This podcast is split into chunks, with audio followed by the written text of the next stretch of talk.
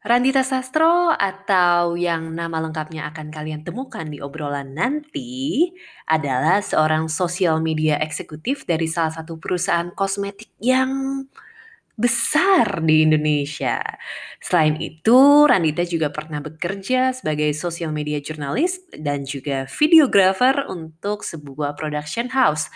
Lalu apa sih emang hubungan dari karirnya Randita sama topik hari ini, dating? Karir and Dating. Kenapa Randita Sastro? Langsung aja kita simak obrolannya. Selamat mendengarkan. Halo teman-teman semuanya, apa kabar? Ketemu lagi kita di podcast Vini Ngobrol yang makin lama makin sedikit postingannya.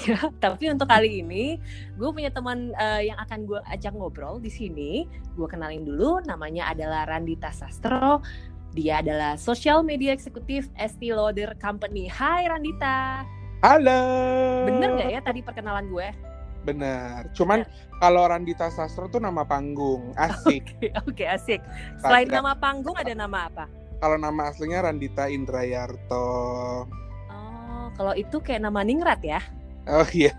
Randita Sastro tuh Sastro tuh sebenarnya dari Sastro Darsono diambil dari nama uh, Eyang Buyut aku di Jawa, dari Jawa karena okay. waktu itu tuh dulu awalnya diminta untuk setiap keluarga besar pasang sastra Darsono di sosial media biar gampang dicarinya. Oh gitu. Jadi okay. kalau Darsono kan pasti udah tahu kita keluarga kan. Mm. Gitu. Terus waktu awal-awal bikin sosial media, ih nama Randita Sastro lucu juga kali ya kayak Dian Sastro gitu. Iya bener. Jadilah sampai sekarang. Oh jadi tadi tunggu nama nama panjangnya yang selengkap lengkapnya yang kayak di semua identitas kamu tuh berarti apa Randita? Randita Dayarto. Oh itu aslinya dari mana ya Mas Randita? Uh, ibuku Solo, uh -uh. bapakku Sunda Sumedang. Oh iya, tadi aku udah kepikiran kayaknya kalau namanya yang gitu tuh jangan-jangan Solo bener ya Solo ya berarti. Iya Solo, Solo bener. Hmm oke. Okay. Nah Randita kita ngobrolin dulu soal uh, apa namanya yang umum dulu soal kerjaan kamu. Boleh ceritain dikit nggak sih ini sebenarnya kerjaan kamu itu apa tugas utamanya? Jadi uh, jabatanku adalah social media content executive di -hmm uh, eh, PT Estee Lauder Companies Beauty Indonesia. Hmm. Kalau tugas utamanya adalah sebenarnya semua tentang social media. Jadi creating konten, terus scheduling, gitu-gitu sih. Pokoknya hmm. semua tentang social media konten tuh ada di aku. Oke, ini Tapi, sosial medianya apa aja yang masuk ke dalam ini? Uh, Instagram. Hanya Instagram. Hanya Instagram. Sebenarnya ada Facebook sih, cuman karena sekarang uh, kalau kayak based on Facebook research dan segala macam target market kita tuh jauh lebih besar di Instagram gitu. Jadi sekarang fokusnya di Instagram. Oke, jadi kamu ada tim juga? Ada. Hmm, hmm ya ya. Udah berapa lama kamu uh, pegang tanggung jawab ini? Udah lebih dari tiga tahun. Oh, lama juga ya? Iya lama. I see. Dan gimana kalau per, per ada nggak sih tren atau perkembangan atau perbedaan gaya orang-orang menerima um, konten yang kamu post di Instagram untuk produk kamu dari dulu tiga tahun lalu sama sekarang? Um, yang jelas sih harus selalu kalau bisa tap in ke tren yang ada sih. Mm-hmm. Kayak kan, tapi kan kita juga harus menyesuaikan sama identitas brand kita kan. Mm-hmm. Itu jadi sebenarnya kalau penerimaan yang berbeda dari tiga tahun lalu sama sekarang sih sebenarnya nggak ada sih mm-hmm. ya pinter-pinternya kita aja bikin konten yang uh, quote unquote viral gitu mm-hmm, mm-hmm. kayak yang apa namanya konten yang gampang diterima sama orang kayak misalkan nunjukin kan aku juara uh, kosmetik kan ya mm-hmm. jadi kalau kayak konten-konten yang nunjukin before after misalkan pakai foundation atau kayak nunjukin gimana bagusnya lipstick yang kita jual gitu-gitu tuh diterima bagus banget sama apa namanya follower kita gitu. Mm -hmm. Pinter-pinter kita menggali konten aja sih. Hmm, oke. Okay. Ini kan aku sambil baca uh, apa namanya interview kamu di Female Daily ya. Yes. Ini kebetulan ada obrolan soal relasi kamu sama beauty influencer. Ini boleh diceritain? Aku awam banget ya sama dunia apa ini istilahnya apa ya? Dunia dunia apa ya? dunia Oh, apa ya? enggak sih, ya beauty. beauty Oh iya world. benar dunia beauty, dunia Mm. beauty ataupun cara orang marketingin eh, produk eh, beauty itu aku sangat-sangat tidak tidak tidak familiar. Boleh ceritain dikit nggak gimana sih ini relasi kamu sama beauty influencer ini? Jadi salah satu tugasku di kantor itu adalah juga eh, membangun relasi sama apa namanya KOL kan kita bilang itu key opinion leader KOL Mhm. atau ya orang awamnya influencer lah gitu beauty influencer gitu. Jadi salah satu tugasnya adalah itu. Nah karena tugasnya salah satunya itu jadi eh, aku juga harus pinter-pinter membangun relasi sama mereka kan menjaga Mhm. hubungan segala macam gitu Mhm. makanya kenal banyak sama mereka gitu-gitu. Jadi kalau misalkan mereka kita misalkan ada satu campaign kita butuh mau kita mau ini nih mau kirim beberapa produk ke beauty influencer gitu. Nah aku yang cari tuh nama-namanya Mhm. kita mau kasih ke siapa dan segala macam. Terus yang kira-kira cocok sama oh misalkan influencer ini suka banget sama produk kita jadi juga kita kita kasih ke dia kayak gitu-gitu sih. Mhm. Oke, nah terus masih dari artikel ini yang menarik itu aku lumayan pengen tahu soal beauty influencer cowok.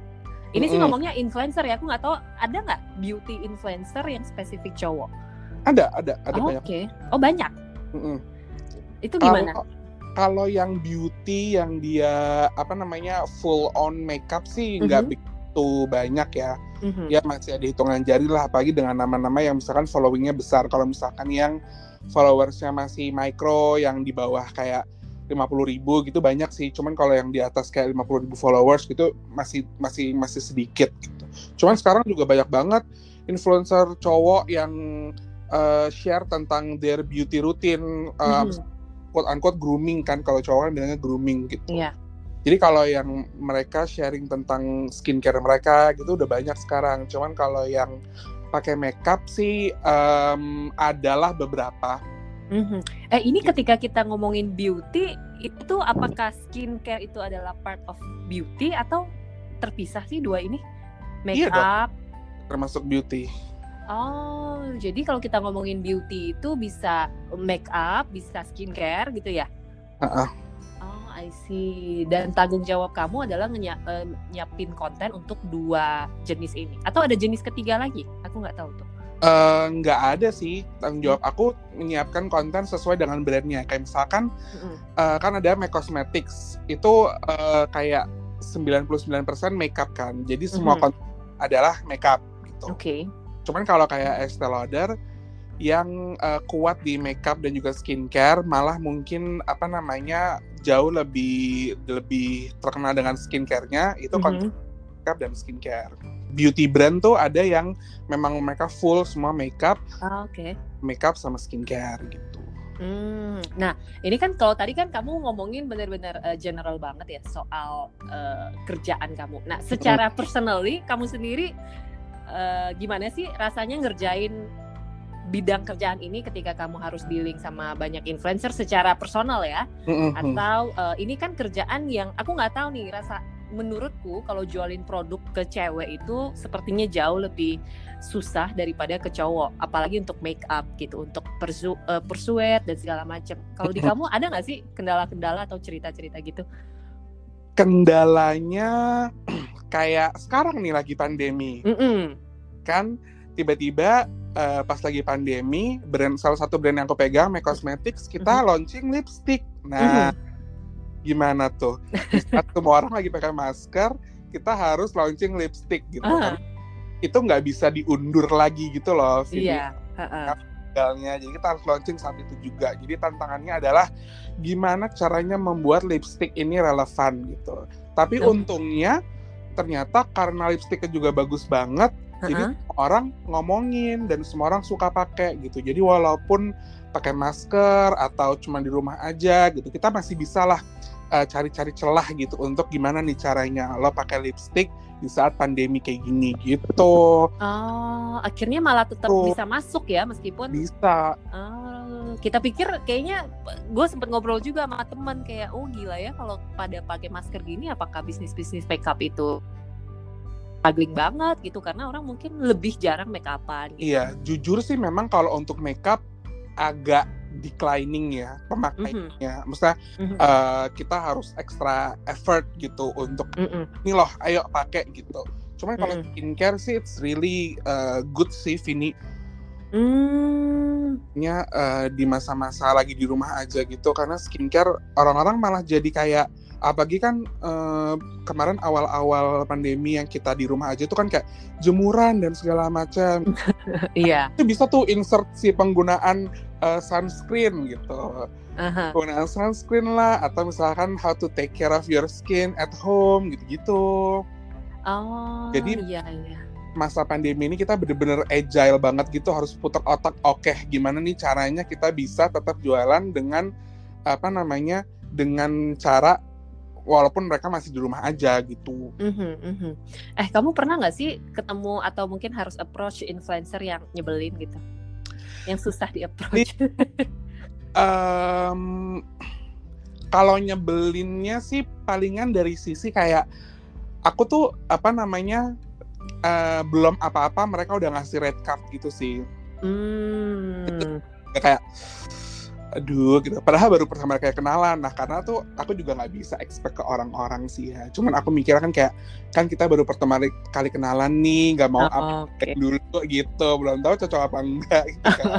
Cuma kadang-kadang mereka suka udah kayak eh, ini butuh di unboxing apa enggak? gitu. Atau ini eh, ini per story-nya ya gitu. Langsung ngomong gitu ngasih red card. Jadi kayak baru ngobrol udah langsung disodorin gitu Iya. kalkulator buat Iya, ada ngitung itu ya.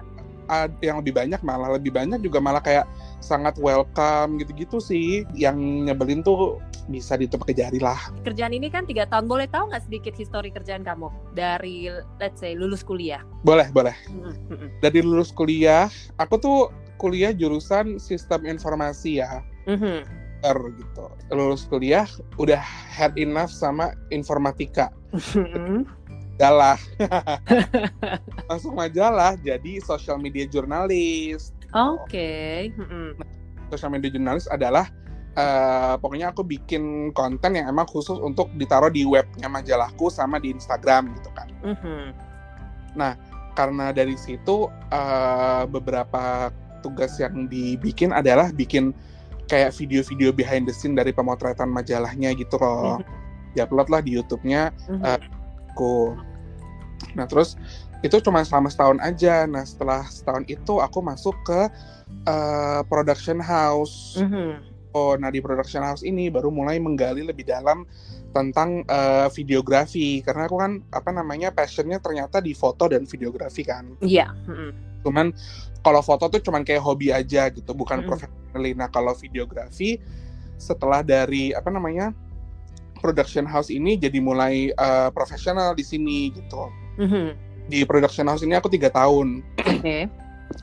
gitu. Nah di situ mulai belajar tentang videografi dan uh, directing gitu-gitu sih Mhm. tentang juga lebih dalam belajar di situ. Nah, udah tiga tahun di situ baru dia masuk ke Estee Lauder. Mhm, Oke, nah ini kan sebenarnya topik kita hari ini adalah kita mau ngomongin soal career and dating. Uh, Oke, kita mulai dengan tadi kenapa aku ngobrolin soal karir karena aku kayak mau lihat oke. eh, kalau dilihat sih secara overall kerjanya nggak nggak terlalu loncat ya, maksudnya semua masih nyambung ya. ah, ah, kalau dilihat dari kerjaan sih semua masih nyambung. Ada Mhm. sosial medianya dan videografinya gitu, kreatif lah. Iya. Nah, ini kalau misalnya kita ketika kita kerja, kita berkarir kan kita punya level of apa ya? Kayak kita punya takaran, oke karir ini menurutku lumayan peak nih gitu levelnya dari yang sebelumnya. Kalau menurut kamu kerjaan sekarang termasuk yang uh, dari yang sebelum-sebelumnya adalah pencapaian let's say yang paling tinggi nggak dari yang sebelum-sebelumnya gitu? Iya. Secara level. Iya. Hmm. Oke. Nah, pertanyaan berikutnya adalah menurut kamu mm, ketika karir kamu makin tinggi itu efek gak ke dating life kamu? Sebenarnya ngefeknya apa dulu nih? Kalau misalkan ngefeknya adalah aku semakin tahu my worth, ya Heeh. gitu. Oh iya betul. kalau eh, apa namanya ketemu dengan orangnya atau kesempatannya gitu-gitu sih malah semakin luas sih ya karena aku juga semakin banyak ketemu orang gitu-gitu sih. Mhm. Oke.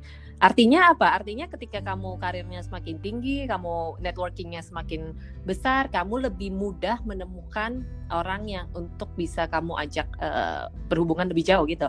Uh, iya, bisa dibilang gitu.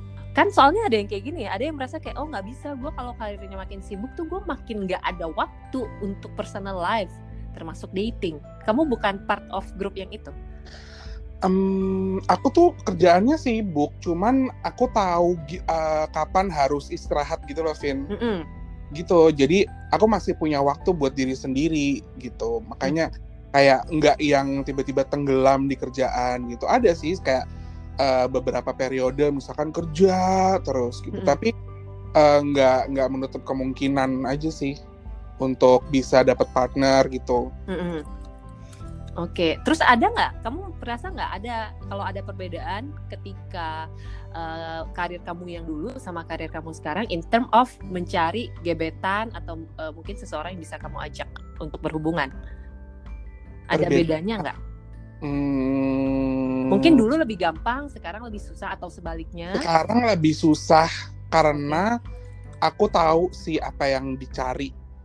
Oke, okay. uh -uh udah lebih tahu uh, maunya apa nih ekspektasinya akan gimana gitu mm -hmm. sih jadi agak lebih uh, susah karena misalkan ketemu orang terus langsung ngobrol banyak kan ngobrol mm -hmm. tahu kita uh, apa yang dimau satu sama lain gitu mm -hmm. kalau dulu kan mungkin ada kayak penjajakannya lebih lama gitu kalau sekarang sih jujur kayak sorry kalau emang udah nggak ini enggak gitu Oke, okay.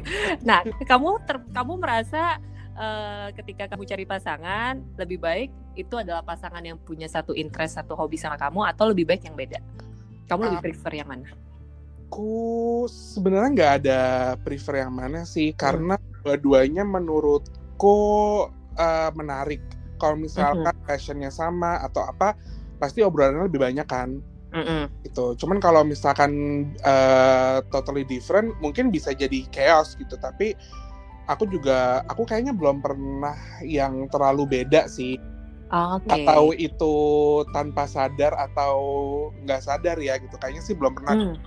totally different gitu belum pernah cuman kalau misalkan bener-bener beda itu kan bisa jadi kayak uh, apa namanya playground baru lah buat kita explore mungkin mm -hmm. gitu kan atau ngobrolannya jadi lebih lebih lebih bervariasi gitu sih oh. aku sih uh, prefer yang sama atau enggak. Hmm, tapi dari pengalaman selama ini selalu mirip-mirip gitu ya interestnya mirip, ya? Ada kayak kreatif-kreatifnya gitu. Oke. Okay. Anyway, jadi sekarang statusnya lagi dating atau lagi uh, tidak dating? ini boleh di ini kayak diskret dong. lagi kasmaran. lagi kasmaran. Oke, okay, cakep. Nah, mm, oke, okay, kalau lagi kasmaran ini kalau dari pengalaman kamu selama ini ketika proses kasmaran ini terjadi, ini efek banyak nggak ke kerjaan kamu? Ap, kamu tipe yang kayak gitu nggak? Atau uh, sangat banget bisa memilah-milih? Sekarang sih enggak, udah enggak. Hmm, sih. Kok bisa? Karena um, apa namanya? Aku memang nyata tuh nyarinya orang yang sama-sama punya kesibukan gitu loh, Vin. Oke. Okay. Gitu. Jadi uh, perhatianku juga nggak 100% ke dia, perhatian dia pun juga nggak 100% ke aku. Mm -hmm. Aku masih pengen punya me time. Mm -hmm. Me timeku tuh apa pun lah antara mengerjakan kerjaanku atau misalkan ya sama temen-temenku gitu. Mm -hmm.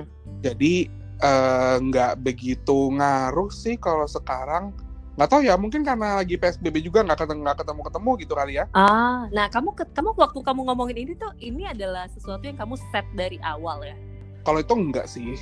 Kalau ah, itu okay. uh, happens naturally aja. Hmm, oke. Okay. Ini aku punya beberapa hal yang pengen aku cross check ke kamu. Kamu bisa uh, coba sampaikan opini kamu gimana soal itu. Yang pertama, enggak, aku enggak horor. Oke. okay. Yang pertama, gimana pandanganmu soal pacarin teman? Kamu termasuk yang merasa ya itu it will work atau yang hmm, kayaknya nggak bisa deh. Karena selama ini nggak pernah jadi aku merasa kayaknya aku bukan kayak gitu sih. Oh tunggu nggak pernah apa nih? Nggak pernah dari temen terus jadi demen gitu. Oh iya iya oh ya benar itu termnya temen jadi demen. Kan? Kebalikannya tem kebalikannya itu apa sih? Kalau kamu nggak berawal dari teman terus apa dong situasinya uh, karena kan temen karena aku aku agak unik nih orangnya mm -mm. karena aku udah merasa udah punya banyak temen mm -mm. aku emang gak nyari temen baru oke okay, gitu. jadi oke okay. mm -hmm. jadi pas ketemu orang misalkan uh, aku kayak udah punya hunch gitu udah kayak punya feeling kayaknya ini mau ditempatkan di uh, gebetan pool yang mana nah, mau ditempatkan di gebetan. Kalau misalkan emang nggak nggak berjalan nggak bisa ya udah nggak usah. Kalau ujungnya jadi temen ya oke okay, kalau enggak juga nggak apa-apa gitu. Oh jadi itu sudah bisa kamu identifikasi dari awal ya? Iya -uh. oke. Nah seringnya gimana? Apakah yang kamu uh, apa prediksi itu sesuai gitu. Oh iya. Enggak. Cuman kan karena pas ketemu orang pertama kali kayak uh, suka nih gitu kan. Uh, uh, uh, uh suka. Terus kalau misalkan emang kita coba deketin tapi misalkan nggak work out jadi ya ya udah nggak usah di ini lagi nggak usah misalkan kalau misalkan dia jadi satu circle kita ya udah gitu ya. Cuma mm -hmm. enggak ya nggak temenan juga nggak apa-apa. Oh ya jadi kan sama yang, kayak proses menggebet orang pada umumnya lah ya uh, bisa kan kalau yang jadi teman kita hmm. terus suka sih enggak sih Oke, oke. Ya, itu yang pertama. Yang kedua, ini kita ngomongin uh, dalam urusan dating atau relationship ya. Gila, gali terus. Gali terus, Bang. yang berikutnya, apa pandangan kamu soal pasangan yang bohong? Bohong ya? Uh -uh. Uh -uh. Pasangan yang bohong uh, aku bisa membedakan antara white lie sama enggak. How come? How could you? Karena there's something yang menurutku nggak apa-apa sih ngebohong. Gitu. Oke, okay. kasih contoh, contoh biar kebayang. Misal ya, mm. um, uh, apa namanya? Misalkan pasangan mm. kita tuh jealousan atau kayak parnoan gitu ya. Mm. Terus misalnya kita uh, apa namanya? Kayak uh, aku nggak bohong nih, padahal aku lagi di unit lantai 5 gitu kan, mm -mm, teman tapi aku bilangnya uh, lagi di apartemen aja sendirian uh-huh. aku tahu kalau misalkan aku ngomong di lantai lima pasti dia kayak ini ini nggak kejadian sekarang sih cuman kayak uh-huh. dulu pernah ada kayak gini gitu uh-huh. bilang yang lain pasti dia kayak parnoan apa segala macam kan uh-huh. kan uh-huh. padahal kita ngapa-ngapain gitu uh-huh. dari itu mendingan ya white lie aja nggak apa-apa oh, kalau itu nggak apa-apa kalau itu nggak apa-apa kalau yang nggak boleh kalau yang nggak boleh ya yang selingkuh gitu-gitu nggak sih? Ah, nggak tahu kan aku nanya. iya, itu sih ya jangan lagi lah. Oh, jadi kamu sebenarnya menjudge orang bohong apa enggak dari bagaimana kamu sendiri menanggapi itu ya? Iya, uh, karena aku karena menurutku kayak bohong-bohong kecil yang emang sebenarnya kalau nggak dikasih tahu nggak akan ngefek apa-apa gitu nggak apa-apa sih menurutku. Oke, jadi termasuk yang jadi kalau misalnya kamu tadi akan melakukan white lies yang tadi, berarti kamu akan oke okay ketika pasanganmu juga melakukan hal yang sama dong. Iya. Iya kan? Iya, belum pernah kepikiran sampai situ sih. Cuman I think nggak apa-apa sih. Okay. Karena ya mau nggak mau harus nggak apa-apa lah Vini kalau kita juga begitu. Kalau bohong tuh kan kalau uh, pertanyaan kita dijawab dengan kebohongan kan. Mm-hmm. Kalau nggak ngasih tahu kan berarti karena kita nggak nanya. Jadi, oh, oke. Okay. Gitu. Jadi itu nggak termasuk bohong sih. Ah, I see. Oke, okay. oke. Okay. Kita lanjut yang berikutnya. Kamu jawabannya bodoh ya? Enggak, enggak, oh, enggak. Baik. Aku, ya Allah, aku mencerna kayaknya tuh ada yang menggantung, tapi mungkin kita lanjut dulu siapa tahu nanti balik lagi eh, maksud kamu nggak ngasih tahu tuh kayak tadi aku bilang yang nggak ngasih tahu misalkan aku lagi di lantai lima gitu iya betul oh kalau itu sih ya bohong sih ah. termasuk bohong cuman menurutku itu hal yang nggak apa-apa nggak apa-apa iya jadi batasannya tadi apa batasannya kalau itu tidak apa apa batasannya apa batasannya tuh kalau misalkan apa ya uh, kalau misalkan uh, hal yang memang dilarang gitu loh. Kan sebenarnya kalau misalkan kayak aku ngebohong tadi kayak aku lagi mm -hmm. aku lagi sama teman-teman misalkan tapi mm eh uh, bilangnya enggak gitu. Itu kan mm -hmm. sebenarnya dia nggak ngelarang. Mm -hmm. Bisa membuat dia kayak uh, jadi aneh lah gitu kan. Mm -hmm. Mm -hmm. Cuman kalau benar-benar hal yang dia larang tapi kita lakuin dan kita ngebohong, nah itu baru sih jadi lebih ke kalau itu adalah sesuatu yang prinsipal lah ya, hmm, misalnya hmm, syuting atau apa gitu ya. Bahasanya prinsipal. Oke, okay. oke, okay, oke. Okay. Nah, yang berikutnya, menurut kamu cemburu sama dengan cinta nggak? Aduh, susah banget ya. Nggak bisa di generalisir jadi kayak gitu. Oke, okay. sebentar. Sebelum menjawab itu, mungkin kamu bisa uh, menjawab dulu. Kamu termasuk yang mungkin kalau kita nanya kamu orang yang cemburuan nggak kalau kita jawab iya akan terlalu kayak hmm, nggak lah nggak susah susah diakuin gitu hmm. kalau scale 1 sampai 5 hmm. kamu termasuk level yang berapa dari segi cemburu? Cemburu um,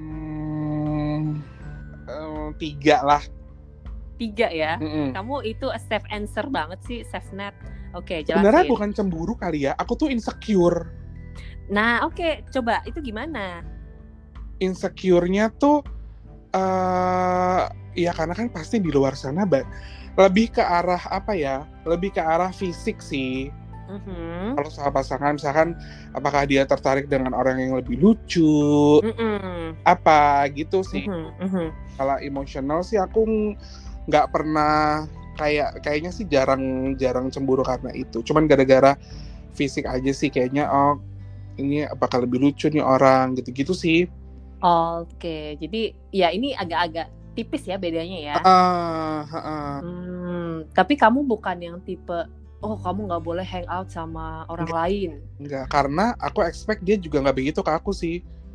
Mm-hmm. Itu, jadi karena aku juga expect dia nggak ngelarang-larang aku, apalagi aku tuh dari dulu punya prinsip kayak kayaknya kalau dia udah ngelarang, uh, misalkan uh, aku temenan uh, jalan sama temanku yang udah kenal lebih dulu daripada mm -hmm. sama dia itu menurutku udah nggak masuk akal. Mm -hmm. Jadi itu jadi gak apa? mungkin punya pasangan kayak gitu. Uh, Oke, okay, let's say misalnya kamu ketemu, terus ini udah asik banget nih gitu, hmm. lalu tiba-tiba di satu momen dia kayak komplain, eh kamu kok jalan mulu sih sama teman kamu. Jadi itu apa? Kayak ini turning pointnya? Okay, turning point menurutku karena oh gitu. Tahap my best friend is my everything soalnya kalau mm, mm, itu jadi kan kayak yang ada di saat every point of my life kan teman-temanku kan mm. gitu. Jadi kalau dia berani beraninya mempermasalahkan mm -hmm. itu sorry goodbye. Dan pernah kejadian? Untungnya enggak. Karena uh, galak sih. Apa? Coba diulang. Karena aku galak. Jadi kayak nggak bisa gitu. Oke. Okay. eh, pernah. Nah kayaknya uh, uh, yang melarang melarang jadi kalau kayak gitu penting nggak uh, pasangan kamu bisa get along sama teman-teman kamu penting nggak um, it's nice to have it's not important but it's nice to if dia bisa get along Mm-hmm. Gitu. Tapi it's not it's not a must gitu ya. It's not a must. Oke, okay. oke. Okay. Nah, yang berikutnya, tadi kamu sempat singgung dikit sih, tapi ini mungkin bisa disampaikan Ber- ulang. Menurut kamu soal cheating gimana? Apakah itu sesuatu yang bisa dimaafkan atau kayak hmm, big no no? Big no no lah, big no no sih. Udah ya. Mm. Oke, okay nggak ada lah itu acara minta maaf kesempatan kedua gitu-gitu ya karena uh, apa namanya uh, trustnya udah udah hancur Vin kalau misalkan udah cheating gitu aku nggak tahu sih apakah bisa aku tuh pernah di soalnya aku uh, diselingkuhin tuh pernah dan hmm. uh, ya udah gitu aku udah hmm. aku nggak pernah ada kesempatan kedua sih Oh, tunggu, kamu yang diselingkuhin atau kamu yang berselingkuh? In. Kamu diselingkuhin. Uh. Hmm, oke. Okay. Selingkuhin pernah sih. Tapi itu udah dulu, udah, udah, udah lama. Terus gimana kapok? Kapok, kapok. Karena ngelihat uh, orang yang sayang sama, bener-bener sayang sama kita uh-huh. disakitin tuh nggak enak banget sih. Oke, okay. hmm. bagus lah. Oke, terus yang berikutnya, gimana seorang Ranita menanggapi komitmen? Kan ada orang yang kayak takut banget ya. Uh-uh. Kalau kamu modelannya gimana? Aku justru uh, memang cari yang komitmen, uh-huh. gitu.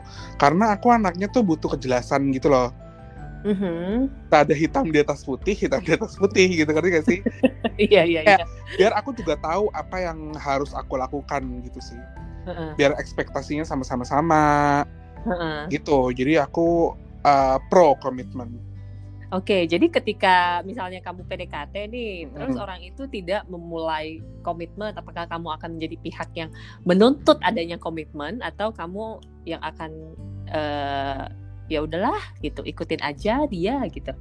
Um, kalau kenalannya baru aku coba ngikutin dulu. Mm -mm. cuman kalau I think kayak kita udah cukup uh, umur gitu untuk mm -mm. Uh, membahas untuk berkomunikasi aku mm -hmm. ya menyamakan ekspektasi lah mm -hmm. gitu sih mm -hmm. gitu. oke okay. eh anyway kamu umur berapa ya aku November ini 32 Oke, oh berarti kita sa apa satu tahun kelahiran ya? 88 okay. toh.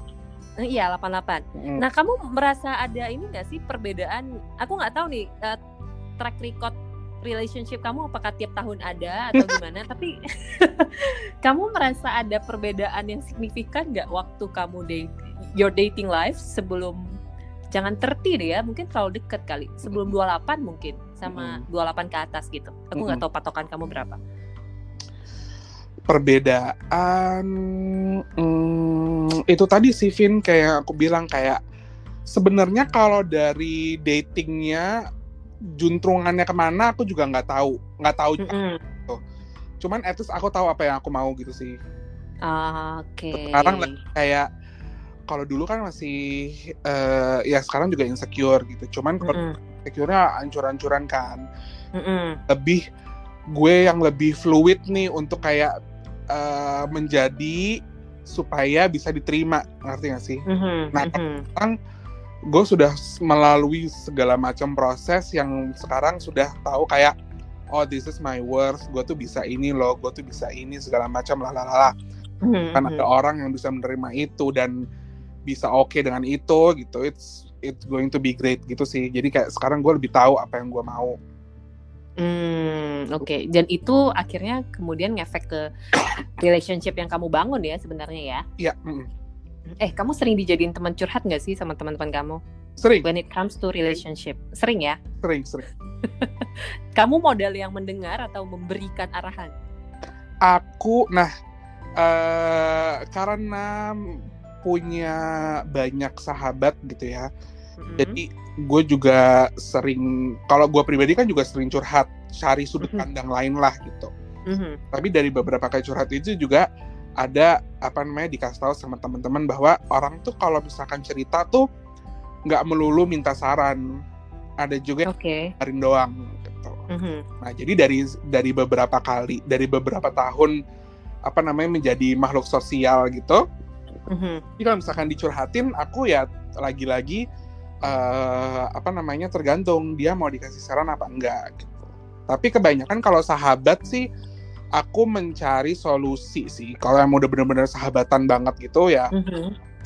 tanpa diminta juga sesekali aku adalah cari solusi atau ya at least uh, menenangkan dia dulu lah atau menetralkan dia dulu gitu. Oke, jadi kamu akan ikut mikir lah gitu ya? Iya tentunya. Mm-hmm, mm-hmm. Oke, okay. nah ini kalau ini kan maksudnya uh, ketika aku ngelihat kamu, kamu kan pergaulannya luas, kemudian variatif banget temen-temennya, hmm. kerjaanmu juga sangat dinamis gitu. Hmm. Nah, ketika balik ke relationship, menurut kamu pelajaran soal relationships yang kamu dapat selama ini lebih banyak benar-benar dari personal experience kamu atau dari hasil kamu melihat kehidupan teman-teman kamu atau mungkin dari curhatan teman-teman kamu yang paling sering ngasih banyak uh, masukan untuk kamu tuh apa ya? Um, dari sekitarku juga sih. Mm-hmm. Karena kalau misalkan lagi deketin orang gitu, mm-hmm. uh, iseng-iseng nanya zodiak gitu kan. Oh, Oke. Okay. Kamu termasuk beberapa, anak astrologi juga ya? Sebenarnya aku nggak tahu banyak, kayak cuman hmm. ya beberapa lah gitu. Tapi ada beberapa hmm. temanku yang kayak kalau misalkan kenal sama orang gitu langsung lihat perilakunya terus udah tahu ini pasti zodiaknya ini gitu-gitu loh jadi banyak oh, ya kan? oke okay. terus aku suka nanya zodiaknya apa terus kayak mm. aku nanya ke teman-temanku kayak eh kalau orang ini tuh gimana orangnya mm. terus kayak mm. kalau mau dideketin tuh mereka orangnya gimana gitu-gitu jadi okay. tapi dari teman-temanku semua sih aku selalu minta saran sama teman-temanku untuk untuk tahu sudut pandang ya jadi kayak aku bisa oke okay, gue harus ngapain nih selanjutnya gitu. Oh, jadi oh, berarti be maksudnya jelas banget ya contohnya kalau kamu memang dapat dapat uh, relationship lessons itu dari teman-teman kamu ya, mm -hmm. karena kamu banyak diskus sama mereka. Mm -hmm. hmm, apa sih zodiak kamu November? Aku Scorpio. Scorpio. Oh, jadi kamu bisa baca-baca zodiak juga dong. Kalau Libra gimana Libra? Enggak, jujur kalau ditanya. oh, kamu nggak bisa. Uh -uh. Cuman oh. kalau kayak kalau ada lawan bicaranya yang sama yang dia tahu banyak tentang zodiak, aku langsung kayak oh iya iya benar juga ya gitu. Oh, jadi kamu ini yang kata orang-orang cocok logi nggak? Uh, iya, cocok logi lah. Kayak 20% lah aku lihat cocok logi. Oke, oke.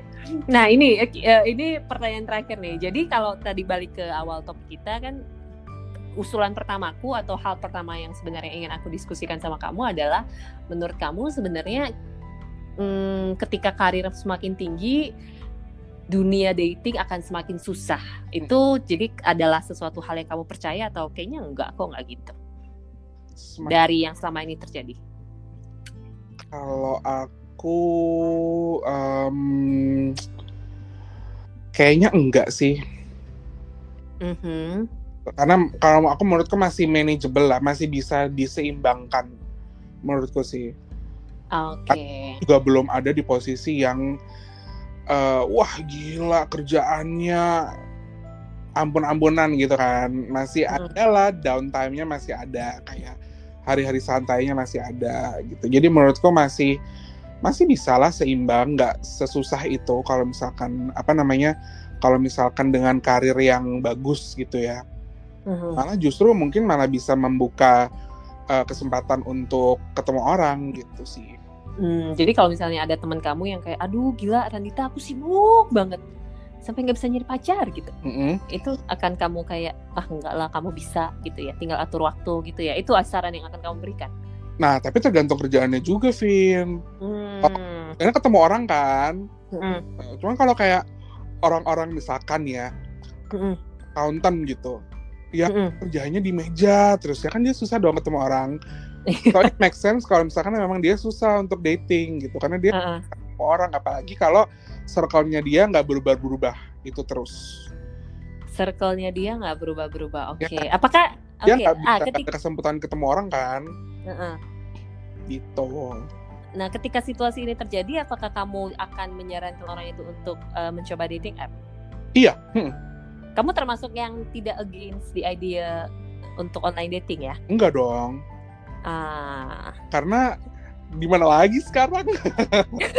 Pandemi pula ya kan? Yeah, it's easier lah for apa namanya people to apa connect. Jadi online dating sih menurut gue oke okay, oke. Okay.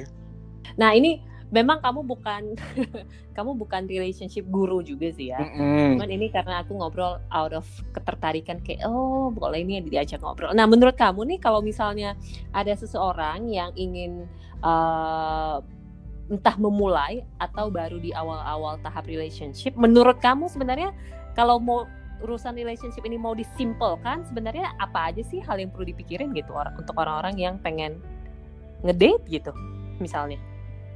uh, yang perlu dipikirin adalah uh, lo maunya apa. Mm -mm. Itu dulu sih. Yang lo cari itu apa sebenarnya? Tapi itu buat mm-hmm. ini juga susah sih. Jangan deh jangan deh jangan deh. Oke oke oke revisi. Revisi ngomong aja udah gampang. Coba lo aplikasiin gitu. Sebenarnya tahu uh, worth diri lo sendiri tuh segimana sih? Nah itu aku setuju sih itu itu sih karena apa namanya uh, people have ways to kayak uh, degrading your worth gitu. Kalau misalkan misalkan relationshipnya nggak work gitu sih. Mm takutnya jadi kayak down lah jadi kayak bucin gitu-gitu loh. Mm-hmm. Mm-hmm. nah itu menurut gue untuk tahu uh, seberapa berharga diri lo tuh dan kemampuan lo dan segala macem tuh penting sih menurut gue. Hmm, dan situasinya juga bisa jadi terbalik kan? Maksudnya ketika kamu know your worth kamu akan ketemu orang yang juga bisa respect itu gitu yes, kan? betul sekali. Hmm. Oke,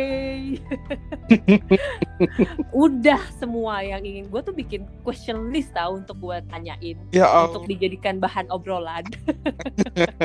semoga ya, semoga berfaedah ya Iya, semoga berfaedah untuk yang dengar. Uh, uh, karena tadi ada bahasan soal karir juga. Soalnya menurut gue kalau dari segi karir, um, ya mungkin karena ini bukan dunia gue ya. Jadi ini kayak sesuatu yang wow, ini baru gitu. Yes, apalagi sekarang kan beauty lagi kayak merajalela kan. Iya. Kamu beauty dan sosial media aku kan, ya. kan ya. Mm-mm. Kamu juga baru nyobain skincare aku kan? Oh iya, iya, iya bener. Pasti si teman kita tuh yang bilang. Iya benar. Iya iya iya benar benar benar. Dan ketika sosial media lagi tinggi tingginya, pasti ya demand kerjaan kamu juga makin banyak seharusnya kan ya? Apalagi sekarang semua online. Mm-hmm. Mm-hmm. Oke, okay. so thank you Ranita. Terima kasih sini atas waktunya. Iya, kita ketemu lagi nanti. Kita ngobrol-ngobrol lagi nanti kalau ada topik-topik yang seru ya. Yes, please. Oke, okay. bye-bye. Terima kasih, bye-bye.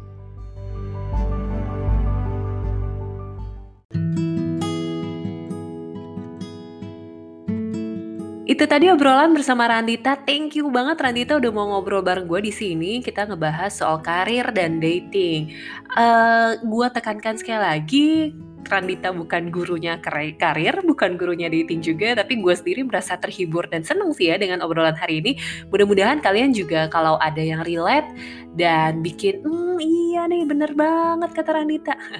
kalau merasa demikian, terima kasih. Kalaupun gak merasa demikian, terima kasih juga udah tetap dengerin podcast ini sampai habis ya. Dan kalau kalian misalnya mau ngobrol bareng gue di podcast ini atau punya usulan topik, silakan loh dengan tangan terbuka, chat aja aja ke Instagram atau WhatsApp atau ke mana pun tempat kalian bisa menjangkau gue. Bisa juga lo kirimin voice note via Anchor kalau mau nyoba, silakan. Yang jelas gue siap ngobrol dengan siapa pun. Ketahuan gak sih ini kalau host podcastnya udah mulai kehabisan bahan? Oke, okay, so thank you udah dengerin. Terima kasih sekali lagi dan tetap jaga kesehatan. Kita ketemu lagi di obrolan selanjutnya. Bye.